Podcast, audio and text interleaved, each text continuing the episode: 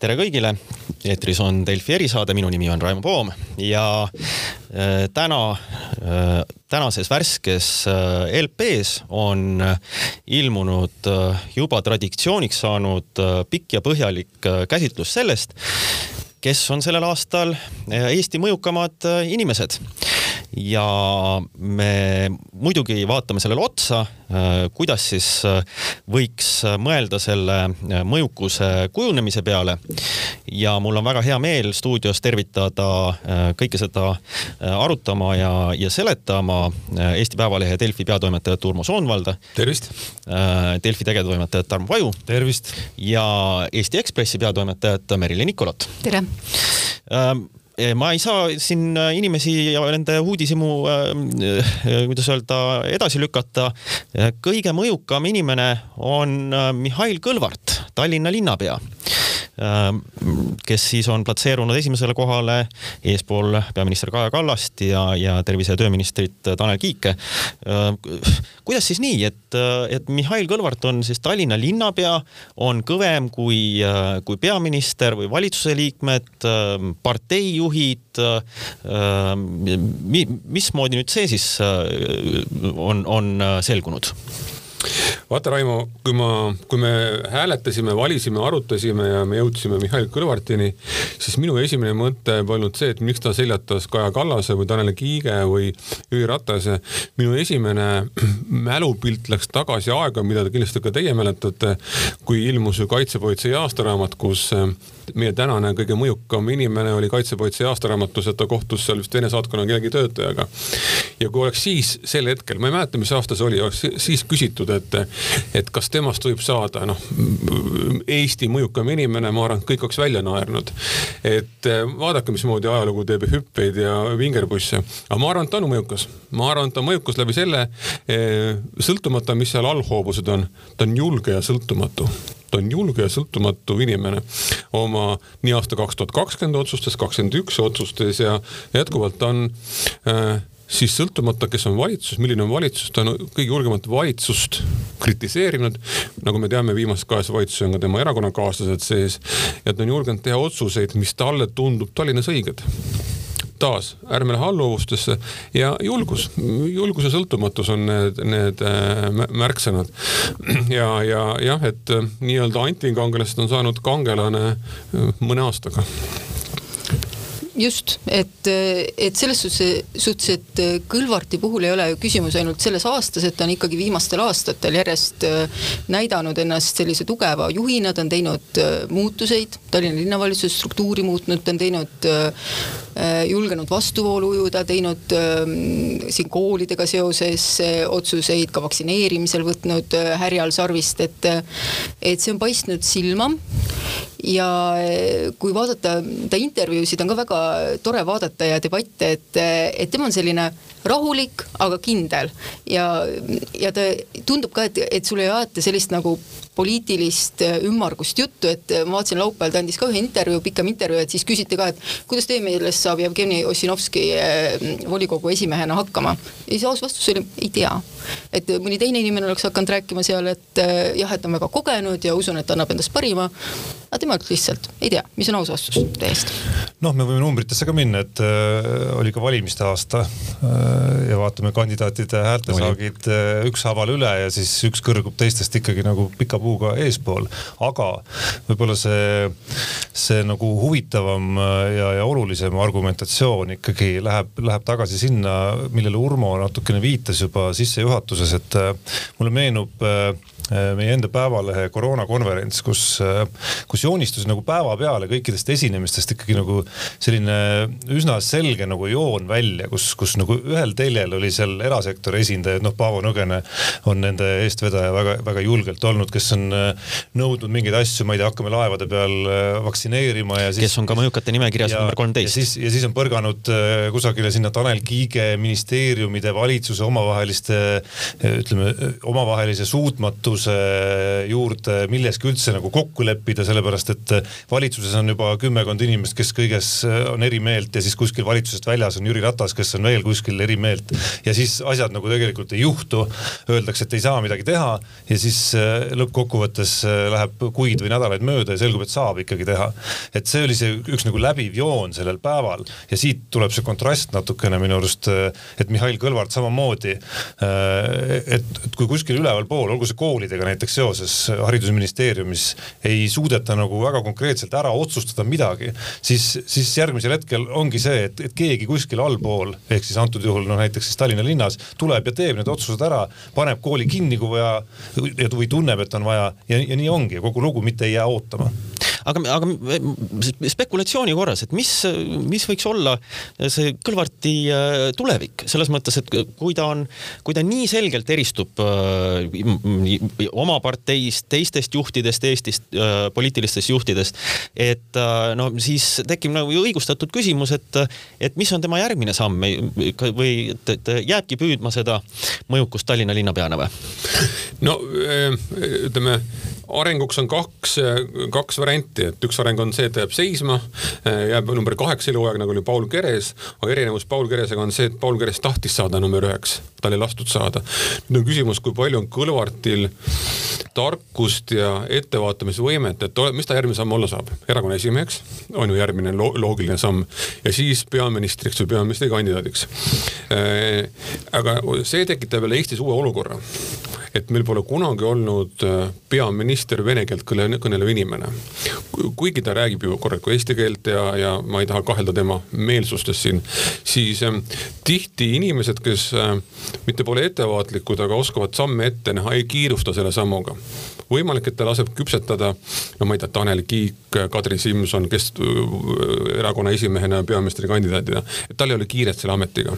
Ähm, ma tean, et Kõlvart tahab teha, ta ei, ma välistan välistan Riigikogu ametikoha, ma välistan kultuuriministri ja muud ametikohad, ma arvan, et tal ongi järgmine variant, kas ta sõidab tükk aega veel linnapeana või, või läheb pank ja ta teab, et saab peaministriks. Äh, aga see tekitab küsimusi, mida mida pole Eesti ühiskonnas varem küsitud, mis on võib-olla Lätis rohkem räägitud teema, noh, Leedus ka isegi räägitud teema, et vene keelt kõnelev inimene saab nagu võimuhierarhias väga, väga kõrgele. seda debatti pole Eestis olnud, aga ma arvan, et seoses Kõlvartiga see, see tekib, et aga noh, ma arvan, Kõlvarti järgmine loogiline samm on äh, erakonna esimeheks saada ja peaministriks. no kuskil on poliittehnoloogid, kes kindlasti oskavad oluliselt paremini paremini hinnata, kas see on aastal kaks tuhat kakskümmend üks või kakskümmend kaks või kakskümmend kolm nagu päriselt ka veel küsimus, see nagu piisavalt suure osa Eesti inimeste tõrge justkui nagu vene, venekeelse või, või ja ütleme noh, ütleme vene keelt emakeelena kõneleva inimese saamise suhtes peaministriks, et noh, loogika ütleb, et võiks nagu juba, võiks ju see aeg nagu möödas olla, et Tallinnas on meil siiski ütleme enamuses ju, ju eesti keelt kõnelevad inimesed. aga Tarmo, sa tead. Vähem ja kui sa vaatad kasvõi eile õhtul, eile õhtul või ükskõik mis õhtul sa vaatad uudistesaateid, Aktuaalset Kaamerat ja, ja hakkad vaatama Tallinna kõneisikuid, siis lisaks Mihhail Kõlvartile, Vadim Belobrovtsev, Vladimir Svet, et äh, peaaegu ainult vene keelt emakeelena kõnelevaid inimesi näemegi. sa lähened liiga ratsionaalselt praegu sellele küsimusele, aga sa tead läbi viimaste aastate, et avalikkuse jaoks suuri teemasid nagu toovad välja ütleme marginaalid või marginaalsed teemad ja marginaalsed arutelud arutelud ja marginaalsed grupid. ma arvan tõesti, et Eestis on täna nii palju, ei ole väga palju inimesi, kes seavad rahvust äh, nagu eraldi küsimärgi alla, kas nii või naa. aga ma, piisab, piisab, kui tuleb Kristen Michal äh,, Raimond Kaljulaid, noh, tema mitte äh,, legendaarne Urmas Reinsalu ja veel keegi ütleb, et kuidas nüüd niimoodi, kuhu me oleme sattunud, kas me sellist Eestit tahtsimegi. ma nüüd lihtsustan nende retoorikat ja, ja siis nii meie kui ka lugupeetud Eesti Ekspress ja kõik teised väljaanded hakkavad selle üle nagu arutama, et kas on niimoodi ja tuuakse näiteid, pro ja kontra näited. aga ma arvan muidugi Eesti ühiskond on valmis selleks, juba ammu on no, valmis. seda ma tahtsingi öelda, et minu arust see, ma loodan väga, et see ei saa kuskil tehnoloogias nagu takistuseks. see, et tuleb äh, kapo aastaraamat ja seal sisaldunu äh, või selle ümber toimunu jutuks, see on juba nagu loogilisem äh, samm või loogilisem tõke, mis võib, võib nagu teele tulla ma olen äh, laias laastus eeskõnelejatega nõus, et kui Kõlvarti ähm, juttu, jutte vaadata, et kuidas ta räägib Tallinnast või kui küsitakse ta ka, ta plaanide kohta, et ta on sõnastanud väga, väga rahulikult ja kindlalt, et tema on oma praegusel positsioonil rahu, rahul, temal on seal plaanid, et ta ei kiirusta kusagile, aga jah, et tema järgmine ambitsioon saab ikkagi olla küsimus, et riigi. ja see tema, ja see tema järgmine samm võib olla üldse mitte tingitud tema enda plaanidest. oletame, et kaks tuhat kakskümmend kolm on parlamendivalimised ja Keskerakond peaks ebaõnnestuma. noh, mis iganes, oletame, et see ebaõnnestub. võib juhtuda. see lävend on, ütleme viis, alla, ütleme viisteist protsenti on nende jaoks ebaõnnestumine. siis nagu igas normaalses erakonnas võtab erakonna juht vastutuse ja astub tagasi, antud juhul Jüri Ratas. ja siis on ju võimalik, et kaks tuhat kakskümmend kolm kevadel juba on Keskerakond küsimärgi all, kes noh, kes tahab, noh, ma arvan, Tanel Kiik, kes võib-olla kunagi tahtis, on selleks ajaks võib-olla koroona padrunitest augulis, auk, auklikuks tulistatud. noh, kes seal täna veel väga on, kes, kes, kes noh, need üks asi on, kes võiks tahta, teised on, kes ka suudaksid ja siis võib see valik osutuda Kõlvartile palju varem, kui ta ise tahab seda. jah, eks see äh, kõikides ametikohtades on näha, et, et, äh, et väga jutus väga pikad pingid, pingid äh, osutuvad reaalses elus väga lühikeseks. Ähm, aga vaatame sinna allapoole järjest tulevad Kaja Kallas, Tanel Kiik, äh, Jüri Ratas, Liina Kersna. kuulge, selles mõttes, et me just rääkisime, et need Kõlvart otsustab ja, ja teeb. Äh, ja siis ometi on siin terve rida siis plejaad valitsuse ja valitsuskoalitsiooni liikmeid.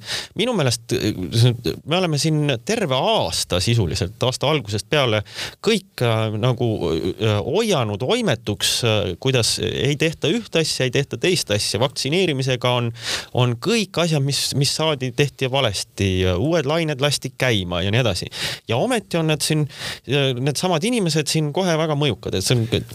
mõju on nagu kriitika, saab olla positiivne ja negatiivne mõju, nagu kriitika on positiivne ja negatiivne.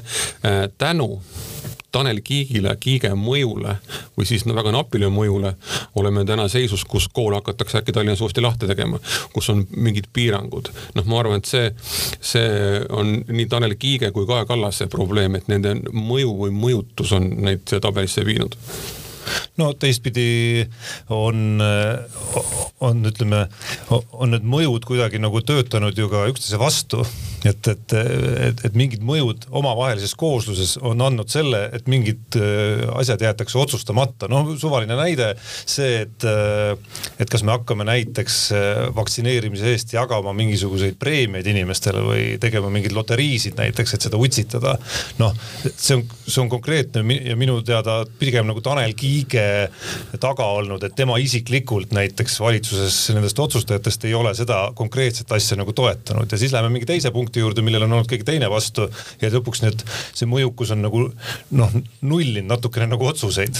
Ja, ja on nagu ongi selline äraspidine mõjukus natukene et alles siis, kui häda on suur käes, siis äh, on suudetud nagu ühiselt mingisugusedki otsused ja piirangud teha. okei okay,, ma näen seda loogikat, mis sul on, et, et ühesõnaga, et kuna nad on kõik võrdselt peaaegu mõjukad, siis noh, olles nagu vastuoluliselt mõjukad, siis jäävad asjad tegemata ähm,. aga no koroonast, koroonast ei saa üle ega ümber, no terve aasta sisuliselt, eks ju, teema ja, ja, ja see kajastub ka selles tabelis väga äh,. noh, ma räägin, needsamad ministrid on ju tegelikult need, kes on tegelenud äh, koroonaga. siit edasi võib vaadata, meil on tabelis kolmekümne äh, äh siis kõige mõjukama seas kolm teadusnõukoja liiget. Ähm, samas äh, noh, me teame, et, et ühiskonnas on, on äh, kriisi äh, lahendamise selles osas nagu väga palju erimeelsusi ja, ja, ja, ja ka seda niisugust siis äh, teispoolset vaadet, kui iganes äh, noh, põhjendatuks või mittepõhjendatuks me seda peame.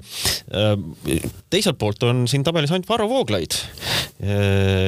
et kas nagu no minu meelest on olnud see ütleme niisugune koroona vastu, see piirangute ja vaktsineerimise vastu võitlemise mõjukaid palju rohkem sel aastal, et nad on ikka tinistanud siin või veennud, ütleme siis nende vaates ära palju väga märkimisväärse osa inimesi Eestis.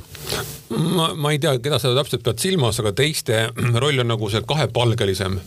Varro Vooglaid on väga ühemõtteliselt käitunud, mõelnud, öelnud ja käitunud.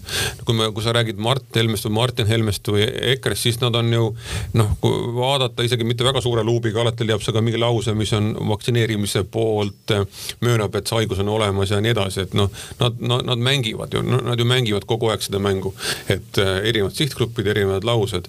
ega nagu Varro Vooglaiu puhul pole küsimust, et noh, tema nagu nähtust eitanud, pisendanud, vähendanud ja noh, ütleme tema töö tulemus oli kakskümmend kolm oktoober, kui hulk inimesi kogunes Vabaduse väljakule. et ütleme, Eestis ei ole väga palju äh, MTÜ-sid, ma ei räägi erakondadest, MTÜ-sid või selliseid sihtasutusi, kes suudaksid kokku hoida sellise hulga inimesi. jah, ta on olnud äh, väga silmapaistev, ta on koondanud enda taha kõik need äh, samamoodi mõtlejad ja ta on ka väga hea ütleme, et äh, tema mõju jah, võib öelda, kas see on siis kellele negatiivne, kellele positiivne, aga tal on mõju, ta on väga hea argumenteerija ja seetõttu on sa, on ta saanud ka kõneisikuks nendele inimestele.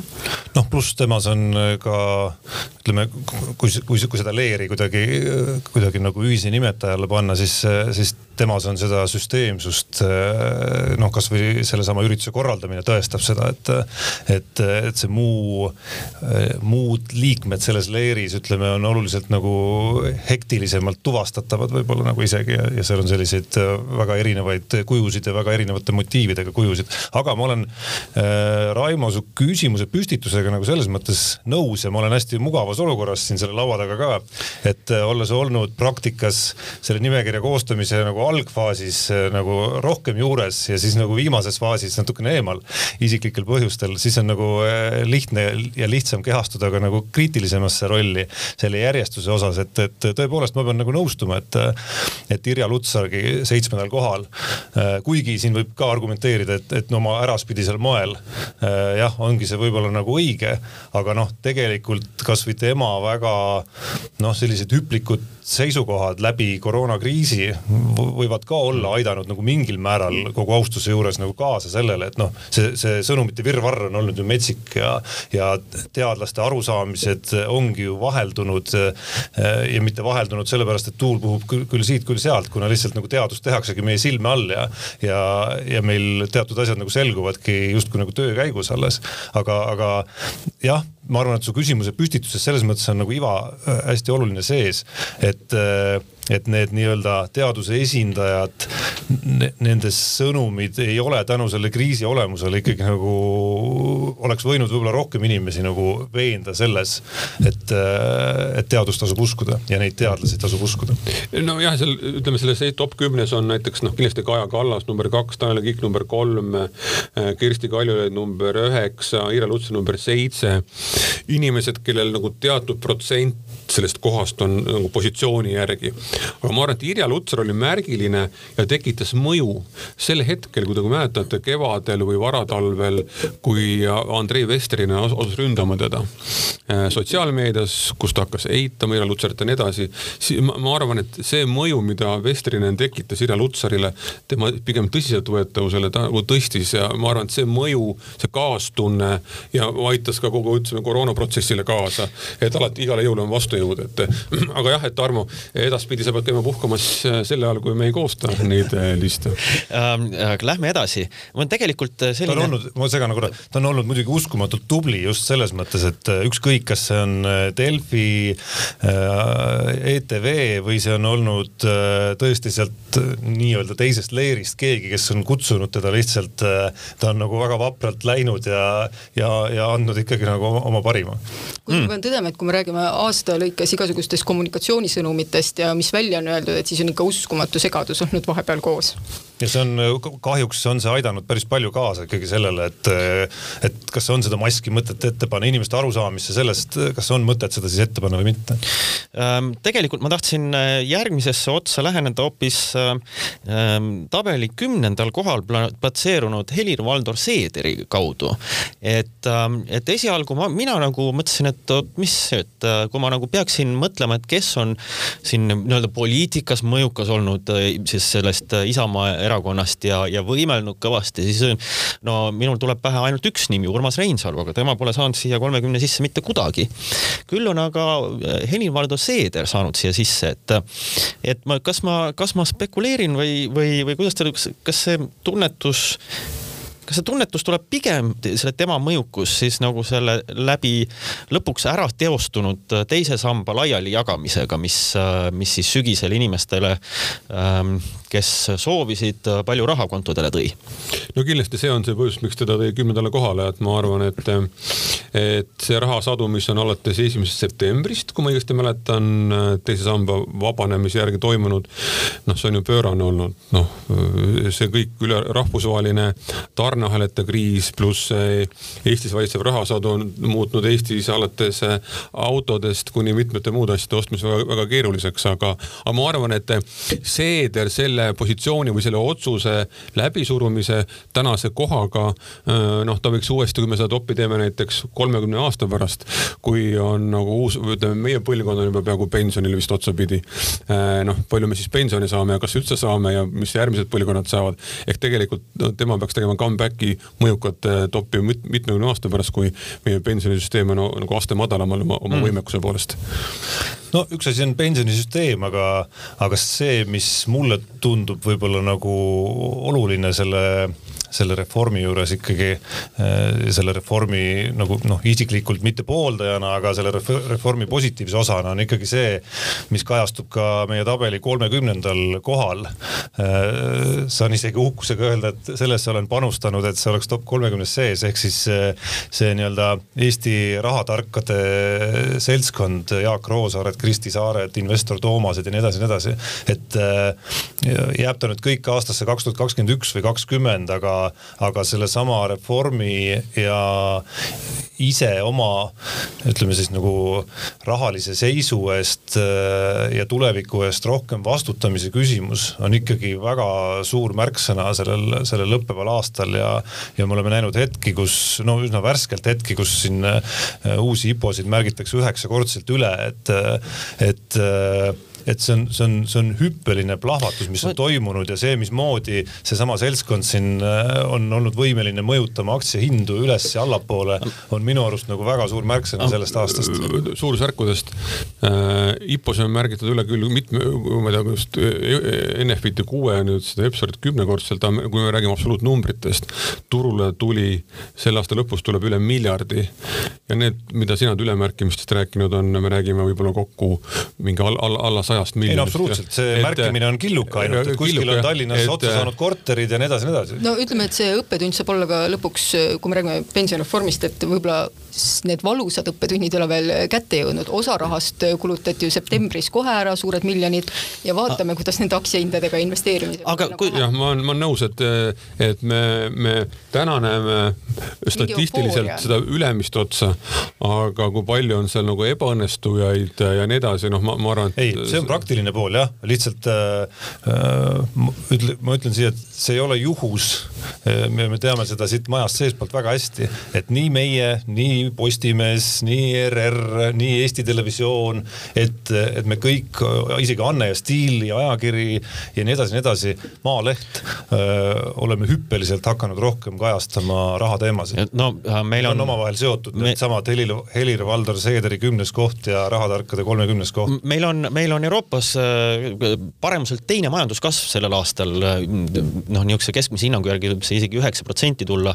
Äh, ja kui ei, kui on konservatiivsed äh, prognoositud, siis äkki, äkki isegi kahekohaline number, mis on, mis on täiesti enneolematu. aga inflatsioon? inflatsioon on ka suur, aga kusjuures sellepärast ma tahtsin küsida, et, et tegelikult noh, siin, kui me vaatame nüüd seda nimekirja, et, et see on noh, väga palju neid nii-öelda riigi otsustajaid, aga noh, sellesama nii-öelda majanduskasvu investeerimise muu mõttes ettevõtjaid on, on noh, ehm, kaheksandal kohal on muidugi äh, Kristo Käärmann, Taavet Hinrikus, kes tegid väga võimsa debüüdi siis lausa ülemaailmsetel börsidel. noh, siin tuleb. no mis enam nii võimas ei paista. jah, eks ju, siit tuleb Tallinki juht ja siit tulevad veel Bolti, Bolti poisid, et tegelikult võiks ju rohkem olla neid selles, selles miksis, kas, kas te ei leia? ma vastan küsimusele küsimusega, kes on puudu sinu arvates? Arvates ei, ei, me, me, me, me, ju mõtlesime, vaatasime, et äh, see osaline majanduskasv tuleb sellest, et äh, poliitikute otsustega rahva raha vabanes. punkt üks. Ja teine majanduskasv on, teine majanduskasvu ütleme ajend on see, et äh, inimestel on viimase, viimase pooleteist aastaga pole kuhugi väga kulutada olnud, seda pole saanud reisida, pole midagi saanud teha, et noh, ja see vabanes, et, et äh, neid ettevõtjaid, kes Eesti turul näiteks oleks mingi sammu astunud ja, ja teinud mingi mõjuka otsuse, noh, ma, ma ei loe mõjukaks otsuseks seda, kui restoranid hakkasid äh, burgerit ja friikartulit kaasa müüma, mis oli tore otsus, aga see on sellist nagu maailma muutev otsus.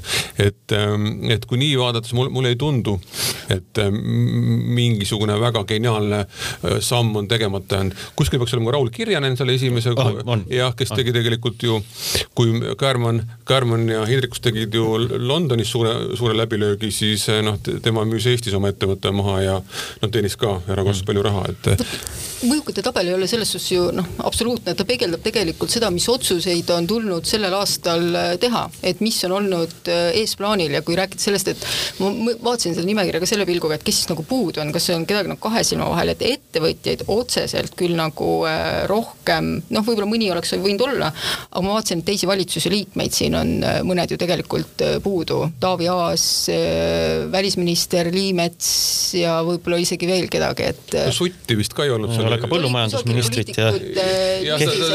sai jah. et me ei saa öelda, et majandusteemad ei oleks nagu äh, riigis olnud sel aastal olulised, et äh, Taavi Aasal iseenesest on selline vastutusvaldkond, et aga ei ole, aga see on ka märk. jah, meil on paar gruppi niimoodi, kus on mitu inimest, võib-olla oleks Paavo Nõgese taha panna veel Kai Realo ja kes tal oli veel see punt, kes käis nagu püüdis Just. riigile selgitada, mismoodi peab käituma et.... no, no, no kui tahta kõige konkreetsemalt kellegi kasuks argumenteerida ettevõtjatest ikkagi noh, siis ma arvan, et äh, võtame eelmise aasta nimekirja lahti, leiame kuuendalt kohalt äh, meie hea konkurendi Margus Linnamäe ja noh, peame tõdema, et kindlasti annaks päris hästi vaielda selle nimel, et äh, okei okay, ta ei ole ei oma meediaäri äh,, ravimiäri äh,, meelelahutusäri ja muude tegemistega võib-olla olnud nagu nii pildis nagu mõnel varasemal aastal, kui siin äh, apteegi, apteegireforme tehti ja nii edasi, aga noh, et äh, võib-olla top kolmekümnest välja kukkumine siiski äh, noh, võib-olla no,, võib-olla ei ole, ei ole päris, päris äh, õige, aga noh, selline see tulemus tuli. ja iseenesest ju uudiseid aga... on ikkagi olnud ja midagi on kuhugile on investeeritud ja midagi on ostetud. Leedu apteegi kette, siis on äh, My Sushi ja Lidovi vist ka sellesse või eelmisesse aastasse ja, ja midagi on, aga, aga üldiselt äh, noh, üks tema nagu üks suuremaid kasvavaid sektorid, kuhu nad koos Ivar Vendelinga panustavad, on meelelahutussektor, kinod e. eelkõige noh, seal on kahtlemata tulnud suur tagasilöök. no sel aastal, kui ta sai kõige mõjukamaks, siis oli ikka küsimus apteegireformis. jah, et see pole üldse kuidagi etteheide, tal lihtsalt nagu, nagu turukonjunktuurid ongi erinevad, et järgmine aasta ei saa üldse välistada, kui on äh, viirus peatatud või kinod hakkavad kindlasti buumima siis. nii hästi kiire, hästi kiire niisugune äh, jah-ei vastus, palun. no öeldakse ju, et kui, kui taksojuhid ka juba investeerivad ja poemüüjad, et siis noh, pikka pidu pole, et, et ja me siin inflatsioon on suur ja nii edasi ja ma mäletan ka neid eelmise, eelmise kriisi eelseid aastaid ja see oli täpselt see hetk, kus, kus, kust pärineb tuntud endise peaministri Andrus Ansipi tsitaat umbes samasugusest majanduskasvu ja inflatsiooni olukorrast. et kui see on kriis, siis selles ma tahaksingi elada. Äh, millele järgnes paraku väga rasked ajad. Äh, kas, äh, kas meid ootab põnts või ei oota, Urmo?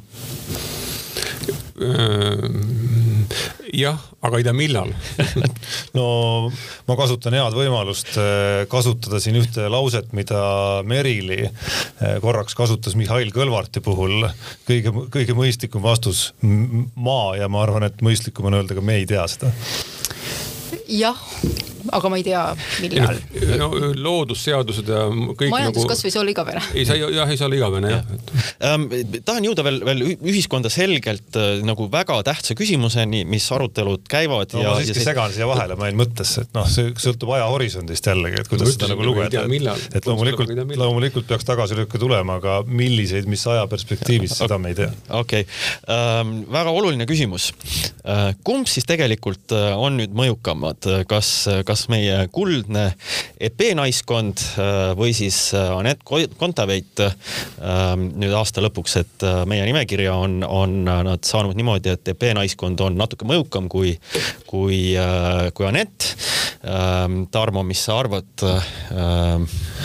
No ma pean ütlema taaskord kehastudes jälle sellesse rolli, mida ma mainisin juba, et, et kui ma ise peaksin hääletama ja, ja, ja, ja ka hääletasin, siis, siis ikkagi nagu Anett Kontaveidi kasuks, tõsi, see, see nihe natukene on toimunud siin eh, viimaste nädalatega ikkagi selle, selle aastalõpu turniiride virvarri käigus, kus Anett Kontaveit on murdnud ennast maailma tippu. aga noh, selline nagu natukene meelemõruks, eh, teisest otsast meelemõruks teinud sündmus oli meil alles eelmisel nädalavahetusel siin kodune vehklemise MK-etapp, kus ma pean tunnistama, et ma nagu olin nagu pettunud sellest, kuidas siis Eesti vehklemine kui selline oli, oli suutnud siis sellest vägevast vägevast nelikust ja vägevast saavutusest, mis äh, pani, pani suvel noh, sisuliselt nagu kogu Eesti rahva ennast äh, tohutu vehklemisrahvana tundma. et kuidas siis oli, oli suudetud sellest nagu kasu hakata lõikama ja, ja peame tõdema, et noh, me ei näinud isegi ühegi telekanali ekraanil seda, seda võistlust, mis tegelikult oleks väärinud seal olema ja su vastus oli siis?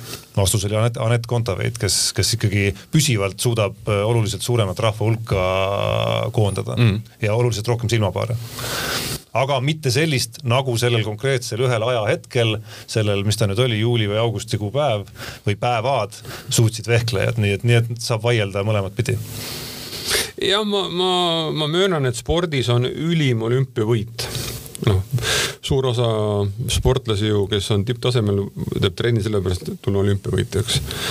aga see on selline ratsionaalsem pool mu vastusest, aga emotsionaalsem pool on, ma arvan ka, et Kontaveiti ala, harrastatavus, konkurents, mm, ütleme selline äh, kitsas sõel tipp tippu on minu arvates, teeb minu silmis tema võidu, tema selle aasta lõpuks maailmas seitsmenda, seitsmenda koha ja Meksikos saadud teise koha teeb minu jaoks ägedamaks. aga, aga ma ei taha siinkohal kuidagi vehklemisnaiskonna saavutust pisendada, lihtsalt noh, noh kui noh, et ma, meie hea kolleeg Peep Pahviga arutasin, et kui tuleb aasta parima naissportlase valimine, Kontaveit versus Katariina Lehis, et see tundub päris põnev tuleb, noh Peep ütles muidugi, et Lehis võidab, aga ma, ma arvan, et, et Kontaveit võidab no, minu arvates ähm,. Merili ähm,, naisi on tegelikult väga palju selles äh, sportlaste seas sisse pääsenud äh,. ma tahtsin juhtida tähelepanu kohale number kakskümmend üheksa, äh, kus on Miia Bellatrisna äh, kes on siis pääsenud sellesse top kolmekümnesse. Ja kui ma nüüd ei eksi, siis võib-olla mitte sellepärast, et ta oleks jalgpalli ähm, tuur, tuuridel ka midagi kinni pannud, vaid pigem sellepärast, et ta äh, võttis ja rääkis sel aastal midagi väga ähm, isiklikku ja olulist äh, spordis, ehk siis seda ähm,, mis toimub noorsportlastega ähm,, treeneritest äh,, suhetest äh,, ähm, küsimustest, mida ei ole võib-olla arutatud spordis väga palju. ja, ja, ja, ja võib-olla avas ka niisuguse laeka, et neid on tulnud teisigi neid äh, küsimusi, et kus on kus on need piirid täpselt äh, vanemate treenerite, noorsportlaste vahel, kes väga, kes puutuvadki väga tihkelt kokku, et kus need lähevad nagu ebasündsaks või, või nii edasi, et, et äh, mulle tundub, et see on, see on küll asi, mis on nagu tegelikult võib-olla noh, näitab, et midagi liigub nagu paremuse poole. jah, et äh, eks selle nime lisamise või ütleme, et ta hääletusega sinna jõudis, et üks eesmärk on tõesti sellele teemale üleüldse tähelepanu tõmmata, et see on meie ühiskonnas olemas ja kui seda kajastus, kui meenutada ka konkreetset nagu juhtumit, et siis see kajastus ja see, mida räägiti, võib-olla võib-olla ei olegi nagu erakordne, et, et mis reaktsioonid sealt tulid, et esimesed reaktsioonid, et midagi ei ole olnud, et keegi ikkagi leidis, et, et üks tundmatu tüdruk räägib, ma ei tea, kuue või seitsme aasta tagust asja, et mida ta rääkis, et, et miks ta peaks praegu tulema, et tal on mingisugune agenda ja hakatakse otsima võib-olla mingit võimuvõitlust hoopis. et ähm, ka see näide, mida treener ise siis äh, tollal äh, rääkis, et äh, tüdrukul on, oli veel samal ajal suhteid ja et see oli, et, et et see oli kuidagi nagu äh, konsensuslik ja et, äh, et see on teema, millest tuleb rääkida, see ei ole võib-olla ainult ka treeneri või äh, treenitava suhted, et ka küsimus see, et kui me teinekord näeme ka, et noored tüdrukud selgelt liiga noored väga endast vanemate härradega suhtlevad, et kas see on nii-öelda õiglane. ja see jõudis suhe. ju tegelikult ka, ka läbi Riigikogu ja seadusemuudatuse või tähendab, veel ei ole jõudnud, aga, aga Riigikokku on seadusemuudatuse jõudnud, mis muudab seda senist korda, et, et neliteist aastat ja, ja, ja, ja võib igasuguseid suhteid pidada, et, et seda muudetakse ikkagi äh, karmimaks ja päris niimoodi äh, niisuguse vanusevahega ei, ei ole. ütleme, et neljateistaastane tüdruk ei suuda ikkagi otsustada, ma tõin näite ka, et, et ise, kui ma olin kusagil kuues-seitsmes klass, siis oli komme käia suhtlus või tubades arvutis, noh et jututubades ja seal kohtus ka igasuguste inimestega ja tollal tundus see kuidagi nagu ma ei tea, see, see oli kuidagi nagu lõbus selles vanuses, aga nüüd, kui ma nagu meenutan, et jah, et ma, mul oli ka kirjavahetus äh, mingi kolmekümneaastase härraga teisest linnast, äh, kes äh, ütles, ma ei mäleta enam täpselt mida, aga ütles ka mingisuguseid toredaid sõnu ja et tundus, et on niisugune üksteise mõistmine, et et tollal tundus see täitsa nagu okei okay,, aga tegelikult keegi oleks pidanud kõrvalt mulle ütlema, et, et Meril, et see nüüd väga okei okay suhtlus ikkagi ei ole. et noh, see, et see siin, siin selle tabeli kahekümne üheksa üheksandal kohal asumises äh, peitub ju nagu hästi tugev sümbol sees, millest üks on siis seesama, mida Merili, äh, millele Merili viitas praegu.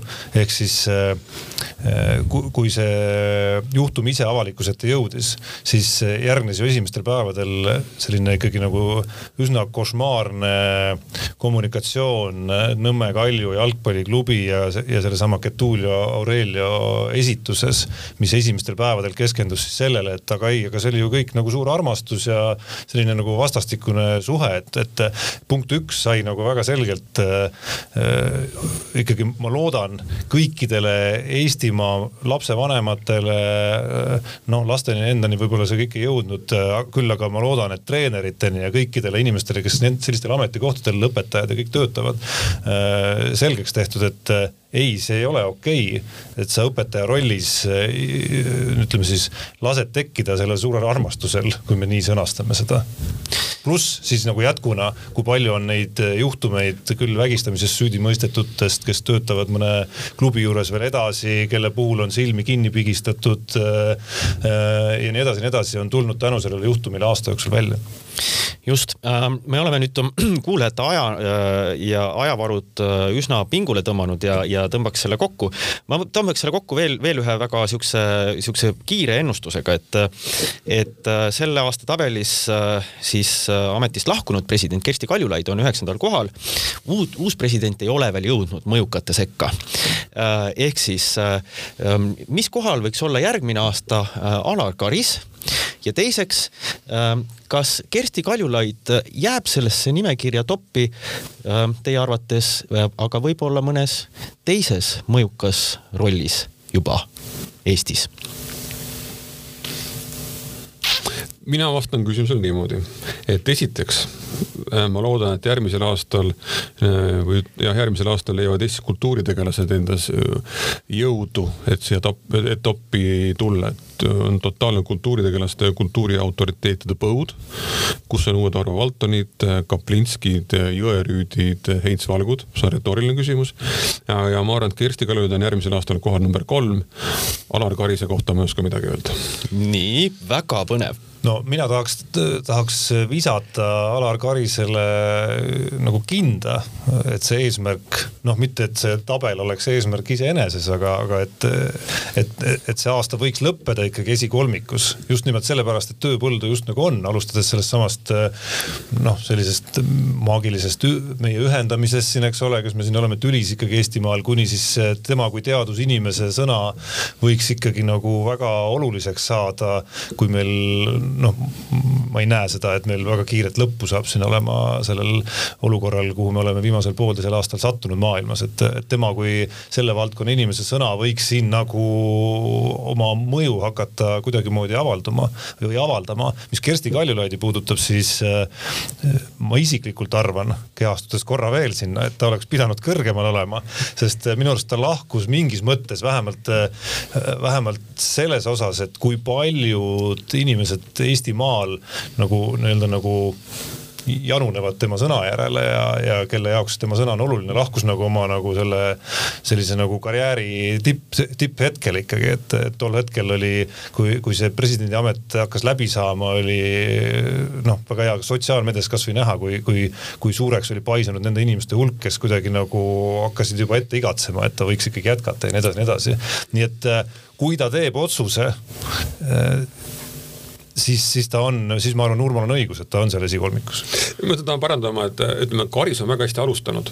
ma tajun seal selles alustamises Toomas Sildomi, Indrek Treufeldi äh, käejälgi ja ma arvan, et see algus, et kohe haiglate peaarstid, äh, visiit Valgamaale, toetusorkestrile, noh nagu ta teeb väga õigeid ja täpseid ja stiilipuhtaid samme igal juhul. nii, Merili, lõppsõna ehm,.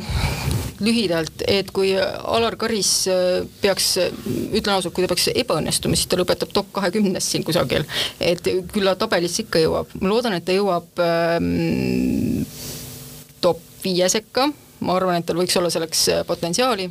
Kersti Kaljulaidi kohta ma ütlen, et jah, et ta oli väga populaarne lahkumishetkel, aga tal oli ka väga palju vastaseid või neid, kes leidsid, et nad ei ole üldse temaga nõus, et äh, ma ei ole ka sada protsenti kindel, kas ta ikka Eesti rahvast suutis lõpuks sada protsenti ühendada, aga seda mitte. Seda mitte jah, et aga Kersti Kaljulaid ähm, ma arvan, et ta kukub top kümnest välja. ma, ma, ma lihtsalt täiendan veel, et äh, ma tahaks väga prognoosida, et aastal kaks tuhat kakskümmend kolm on Kersti Kaljulaid väga kõrgel selles tabelis. loodame. aga ma pole kindel nii, aga meil on nüüd äh, küll äh, aeg otsas, äh, ma soovitan kõigil kiiresti kahanevatest siis lehekuhjadest haarata tänane LP, vaadata ise, lugeda ise, seal on väga vahvad lood meie kangelastest ähm, ja kus nad on tehtud ja nii edasi. Delfi erisaade on aga taas eetris juba järgmistel päevadel